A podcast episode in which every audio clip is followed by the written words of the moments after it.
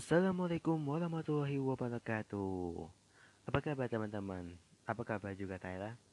Baik, kamu gimana kabarnya? Saya juga, Alhamdulillah. Dan sahabat Tyler, apa kabar kalian?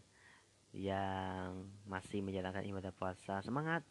Yang masih sahur, yuk cepat siapkan sahurnya sebelum kita keburu imsak. Dan semoga kita semua dalam keadaan sehat selalu. Amin. Selamat datang di podcast Berbagi Cerita Thailand edisi Ramadan yang hadir setiap hari selama bulan Ramadan. Bersama kita berdua Malika Saputra dan temanku Tyler King. Dan episode Ramadan kali ini kita akan membahas satu tema yang sangat luar biasa. Karena ini adalah tontonan favorit di bulan Ramadan. Uh, tapi pasti banyak sekali ya uh, tontonan favorit di bulan Ramadan. Up, sahur, buka, ya kan? Tapi ada masanya uh, tontonan favorit itu masih ada di ingatan kita ya yang nostalgia bulan Ramadan pasti tahu sering tahu ini. Tapi kita akan lihat ya Itu bulan Ramadan itu sebentar lagi akan tiba ya guys. Televisi berebut untuk membuat program-program yang menarik untuk penonton. Hal ini tentunya akan membuat banyak acara televisi dan nuansa religi. Hmm, betul banget tuh. Thailand. Setiap tahun acara-acara pada bulan Ramadan ini selalu berganti ya. Namun, ada beberapa sinetron edisi Ramadan Tempo dulu yang sudah tidak tayang namun tidak pernah kehilangan penggemarnya. Yang pertama dulu. Lorong Waktu. Hmm. Sinetron yang tayang sejak tahun 1999 sampai 2006 ini mengambil tema masalah sehari-hari yang diselesaikan dengan cara islami. Sinetron ini yang dibintangi oleh Jukas Jodi, Deddy Mizwa, dan Aji Panestu. Ini banyak digemari di kalangan masyarakat, namun sayangnya sinetron ini sudah tidak tayang lagi. Yang next berikutnya Doaku Harapanku. Ini dibintangi Diki Wayudi, Krisdayanti, Jihan Farina, Gunawan, Sinetron ini tayangnya pada tahun 1998 sampai 2000. Ini dibintangi Dayanti, Diki Wayudi, Jihan Fariha An Gunawan. Sinetron ini membuat Dayani sebagai seorang penyanyi juga memperhitungkan di seni peran. Doa dan Anugerah Sinetron ini, sinetron ini tayangnya ini pada tahun 2002 bahkan berhasil ditayangkan ulang di Singapura dan Hong Kong. Dan pada tahun 2000 awalan, itu menjadi masa kejayaannya Krisdayanti sinetron ini pun dibintanginya. Doa membawa berkah. Ramadan tahun 2000. Kita flashback dulu ya. Ramadan tahun 2000 itu diisi oleh sinetron-sinetron religi sedangkan pemeran utamanya Tamara ada Tamara Bezeki, ada juga Aja Semara, Davi Cali, Deswita Mahalani, hingga Nikita Willy. Hikmah. Nah, selain doa membawa berkah, Tamara juga bermain peran dalam sinetron Hikmah. Sinetron ini tayang perdana pada 2004 dan berlanjut dengan season 2 dan 3 pada 2005 dan 2006. Berikutnya, kiamat sudah dekat. Hmm. Sinetron yang satu ini cukup banyak penggemarnya ya. Sinetron ini merupakan pengembang naskah dari film yang memiliki judul yang sama. Deddy Mizwa ini juga terlibat dalam sinetron yang satu ini. Yang ketujuh, Absefso. Nah, aksi si cepot yang jenaka ini selalu dirindukan oleh penonton setianya saat mau menjelang buka puasa selama bulan Ramadan. Acara ini membungkus pesan-pesan positif lewat wayang yang lucu. misal kita nyam-nyam-nyam ya di SCTV di tahun berapa nih? 1999 ya. Ini acara satu ini diisi oleh Eko Patrio. Selalu kita menceri menceriakan hari mereka yang bersahur setiap Ramadan sejak 1999 sampai 2003 dengan lawakan tanpa mencela fisik. Dalam acara ini bahkan tanpa penonton bisa menitipkan salam dari pacar-pacar yang mereka kirim. Yang berikutnya, ikhlas. Nah, lagi-lagi nih Tamara ini menjadi pemenang utama dalam sinetron Ramadan berjudul Ikhlas. Sinetron Ikhlas ini tayangnya pada 2003. Dimas dan Raka. Raffi Ahmad dan Tara Budiman sempat beradu enteng dalam sinetron Ramadan Dimas dan Raka. Sinetron ini bercerita tentang dua laki-laki yang melakukan perjalanan selama bulan Ramadan di sepanjang perjalanannya mereka mendapatkan pelajaran hidup yang berbeda-beda. sebelum program acara khas Ramadan ini pernah ditayang, tapi sekarang sudah tidak tayang lagi. Nah, nah, buat kamu ini yang anak-anak kecil yang sering nonton, apalagi pas pu puasa ini, nih mencari tontonan anak saat bulan Ramadan di televisi, ini bisa menjadi salah satu kegiatan menarik.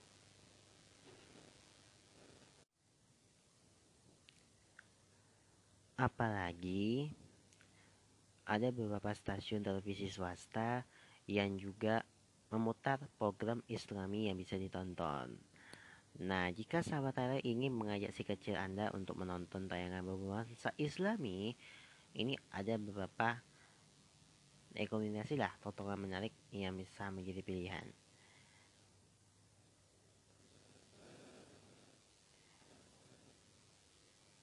Yang pertama ya, ada beberapa rekomendasi tontonan ini ada yang berasal dari tayangan di stasiun televisi. Nah, namun si kecil ini bisa membeli tayangan yang menarik untuk perhatiannya ya. Tapi ingat ya, selalu untuk mengawasi anak saat menontonnya ya. Yang pertama itu Nusa. Nusa yang merupakan animasi islami untuk menjadi rekomendasi tontonan anak saat Ramadan. Nusa awalnya merupakan serial animasi yang sebelumnya ditayangkan di YouTube. Serial animasi ini menceritakan seorang anak laki-laki berusia 9 tahun dan juga adiknya yaitu Lara yang berusia 6 tahun. Nusa memiliki cita-cita menjadi hafiz atau penghafal Al-Quran. Yang berikutnya, lorong waktu animasi. Bagi kamu yang generasi 90-an, kalian pasti tentu ya pernah nonton acara Lawang Waktu itu yang diperankan oleh Didi Mizwar. Nah kini ini acara ini ditayangkan dalam bentuk format animasi yang seru. Acara Lawang Waktu animasi ini menceritakan petualangan Zizi dan Haji Husin dan Ustadz Andin yang berkeliling menjelajah waktu dengan mesin waktu yang ditemukan oleh Ustadz Andin. Ating ya. Yang berikutnya, Chibi Maroko-chan. Animasi Chibi Maroko-chan adalah tontonan animasi ringan dari Jepang yang tentunya bisa menjadi rekomendasi tontonan anak saat puasa di bulan Ramadan. Acara ini menggambarkan kehidupan sehari-hari yang sederhana dari Momoko Sakura, seorang gadis muda yang dipanggil Maruko. Maruko ya, dan keluarganya di daerah pinggiran Jepang pada tahun 1974. Dragon Ball Super. Untuk para penggemar animasi aksi Jepang ini, tayangan Dragon Ball Super ini juga bisa menjadi pilihan acara menarik untuk anak saat bulan Ramadan ya. Kali ini Dragon Ball hadir dengan episode baru. Ball Super ini menceritakan petualangan karakter utama yaitu Goku selama 10 tahun setelah kalah melawan Majibu. Goku Goku ini lalu mendapatkan kekuatan dewa dan harus belajar mendalikannya untuk menghadapi lawan yang lebih kuat. Berikutnya, Tobat Elton. Nah, jika si kecil ini menyukai acara yang penuh dengan kompetisi, makalah tayangan Tobat Elton ini adalah tontonan anak saat bulan Ramadan yang menarik untuknya ya. Tobot Elton ini adalah tayangan dari Korea Selatan yang bercerita tentang Kay Handes Handes ya kalau saya Kay Handes siswa sekolah dasar dan penggemar berat balapan robot. Ken pun e, mendapatkan kesempatan untuk mewujudkan mimpinya dan bergabung dengan League bersama Alpha, Beta, dan Theta, tiga robot Tobot yang dibuat oleh ibunya Dr. Handes. Oma dan Hana, tayangan bulan Ramadan terakhir yang tak kalah menarik dijadikan rekomendasi adalah Oma dan Hana ya. Tayangan ini juga awalnya merupakan serial di YouTube yang mengisahkan perjalanan Oma dan Hana dan keluarga dan teman-teman mereka saat bermain, belajar dan mengajarkan karakteristik dan nilai-nilai normal Islam melalui lagu. Itu dia. Sahabat saya rekomendasi tontonan anak saat bulan Ramadan ya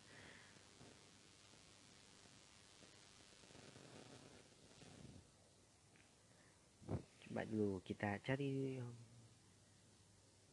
Kita sempat mau mencari uh, cerita ya. Oh ini. Ada Ali Sumaya tontonan Ramadan untuk anak. Ali dan Sumaya ini digambarkan sebagai anak-anak zaman milenial. Kakak beradik ini memiliki hobi membuat vlog mengenai hal-hal yang menarik perhatian mereka, terutama mengenai hal-hal yang berbau keislaman. Animasi ini dibuat dalam menggunakan bahasa Inggris sehingga bisa sekalian meningkatkan kemampuan berbahasa Inggris sekecil. Bersama Ali dan Sumaya, anak akan diajar bercara berwudhu, sholat lima waktu, membaca Al-Quran dan lain sebagainya. Hmm, pas banget nih, sahabat Ayla, untuk dijadikan referensi tontonan bagi sekecil saat lama bulan puasa. Berikutnya, The Breadwinner. Untuk anak-anak yang sudah lebih besar, film The Breadwinner ini bisa jadi pilihan ya. Film yang diproduksi tahun 2017 ini merupakan salah satu rekomendasi tontonan Ramadan untuk anak dan keluarga yang sangat pas. Film yang diangkat dari novel laris milik Deborah Ellis ini bercerita tentang seseorang seorang anak perempuan bernama Parvana 11 tahun yang tinggal di Kabul di bawah irama Islam Afghanistan. Ayahnya Nurwa, seorang guru sekolah yang kehilangan kakinya dan mengalami gangguan fisik selama perang Soviet Afghanistan.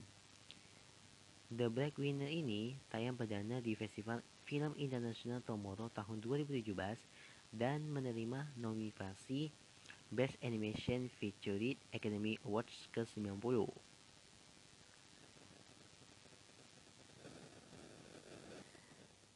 Nah, sekarang kita mau cari lagi nih uh, tontonan anak Ramadan yang menarik.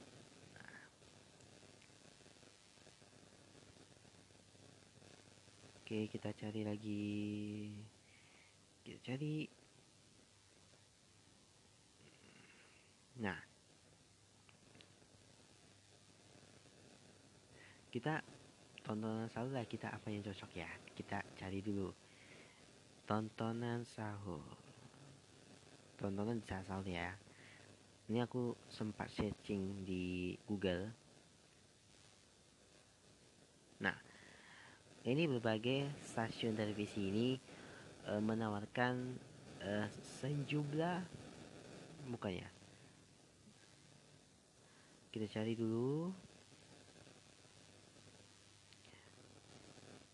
Tapi di tontonan kartun lah ya tontonan kartun di saat Ramadan oke kita cari dulu tontonan kartun di saat bulan Ramadan. Nah, hmm, oke, kita lihat dulu ya.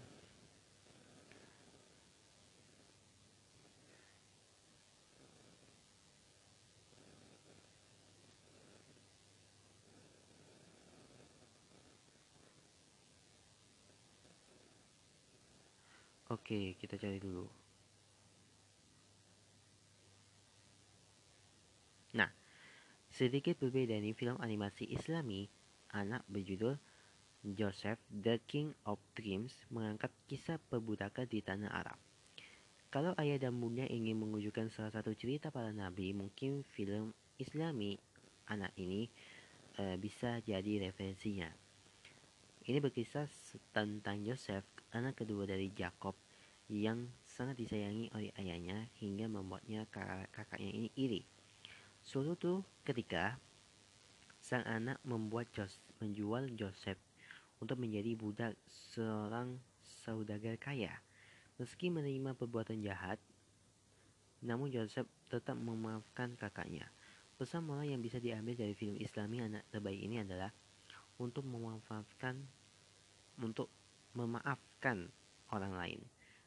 Oleh sebab itu, Joseph The King of Dreams bisa sangat bisa lah ditonton buat ayah, bunda, dan sekecil di rumah ya. Itu dia tadi sedikit tontonan menarik di bulan Ramadan. Semoga bisa jadi referensi mengisi waktu bulan Ramadan. Tapi ingat ya, jangan lupa sholat dan jangan lupa baca Quran. Sampai jumpa. Balik lagi di podcast berbagi cerita tanggal spesial Ramadan yang tayang setiap hari selama bulan Ramadan memberikan ilmu, cerita dan juga inspirasi tentunya. Masih bersama saya Malaka Saputra dan temanku Tyler King dan kami mengucapkan selamat sahur buat semuanya bersama keluarga, teman ataupun kerabat kalian yang bersantap sahur. Gimana sahur kalian hari ini? Ya mudah-mudahan ya sahurnya berkah, puasanya lancar dan tetap semangat untuk menjalani ibadah sholat ibadah waktu, jangan lupa bersedekah dan jangan lupa berbanyak doa dan juga zikir ya supaya kita terlindungi dari terlindungi Allah Subhanahu wa taala ya. Nah, kali ini kita akan membahas atau membahas satu topik yang akan kami bawakan kepada Anda semuanya yaitu tentang bagaimana sih cara kita menjaga kesabaran saat kita berpuasa. Nah, ini menjaga emosi itu agak jadi sulit ya. Apabila kan kita menjalani ibadah puasa ya. Nah, di saat bulan Ramadan atau men tengah menjalankan ibadah puasa di bulan suci Ramadan, terkadang ada-ada aja ya ini hal yang membuat kita jadi tersulut emosi dan marah yang bisa membuat kita menjadi tidak sempurna puasanya. Entah itu orang-orang uh, di jalan di jalanan yang berkendara suka seenaknya sampai orang-orang sekitar pun yang terkadang tak mengerti akan kondisi dan suasana hati kita yang tengah berpuasa. Nah, agar hal-hal seperti itu tidak terjadi padamu yang tengah berpuasa, beberapa hal ini bisa kamu lakukan untuk menahan amarahmu. Yuk simak. Yang pertama, Hindari orang-orang yang berpeluang membuatmu menjadi marah. Daripada puasamu menjadi sia-sia nantinya, lebih baik kamu menghindar atau menjauh dari mereka-mereka yang berpeluang membuatmu bisa menjadi marah. Kamu mungkin bisa menjaga jarak dari mereka, karena dengan begitu, kamu pun bisa terhindar dari keinginan untuk marah-marah jika bertemu dengan orang-orang yang selalu uh, saja bias, bisa saja membuatmu yang kedua, perbanyak beristighfar saat hatimu mulai merasa ingin melampiaskan amarah. Saat kamu mulai terbawa emosi dengan perkataan orang-orang dan dengan tindakan orang-orang terhadapmu, redam emosimu itu dengan memperbanyak istighfar. Jangan sampai membuatmu menjadi tersulut emosi hingga membuatmu menjadi marah-marah saat kondisimu yang tengah berpuasa.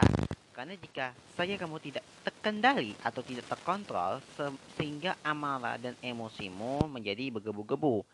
Ya, nanti puasamu hanya akan menjadi sia-sia nantinya deh. Berwuduklah agar hatimu bisa lebih tenang dan amarahmu bisa diredam. Jika kamu merasa hatimu mulai panas, beristighfarlah pun belum cukup ya untuk merendam amarahmu. Nah, cobalah untuk berwudu agar hatimu bisa lebih tenang. Karena biasanya sih dengan mengingat Allah, hatinya kita itu bisa menjadi tenang dan tentram. Sehingga amarah yang muncul dalam diri yang ingin dilampiaskan pun bisa digedam. Sebab ketika berpuasa kamu tak hanya menahan haus dan laparnya saja, dirimu pun harus bisa kamu kendalikan. Yang berikutnya, tak usah melawan atau membalas saat ada yang mencoba untuk menguji kesabaranmu saat tengah menjalankan puasa. Allah menghadirkan orang-orang di sekitar kita tentunya punya maksud dan tujuan entah itu untuk mengajarkan kita atau untuk menguji kesabaran dalam diri kita. Ketika kita dipertemukan atau dihadapkan dengan orang-orang yang membuat kita menjadi marah, mungkin saat itu Allah tengah menguji dan melihat sejauh mana kesabaran yang ada di dalam diri kita. Jadi, jika saja kamu dihadapkan dengan orang yang membuatmu marah, tak perlu melawan atau membalas perkataan mereka. Sebab, jika kamu membalas, ya bisa saja sih kamu tidak lolos dengan ujian yang diberikan Allah kepadamu, terlebih ketika kondisimu yang tengah berpuasa.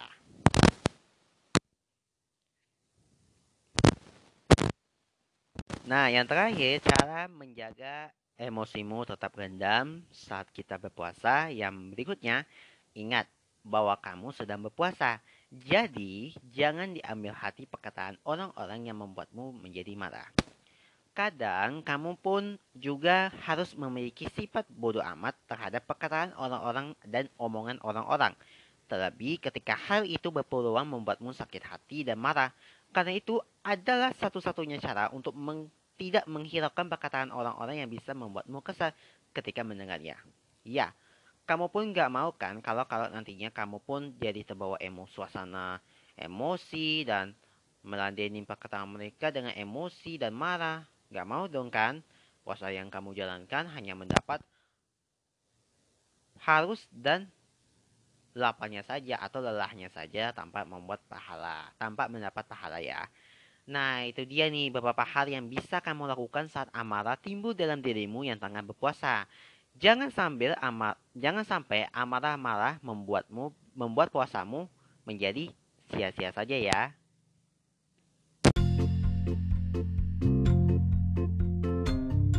berbagi cerita Tyler hanya di Spotify.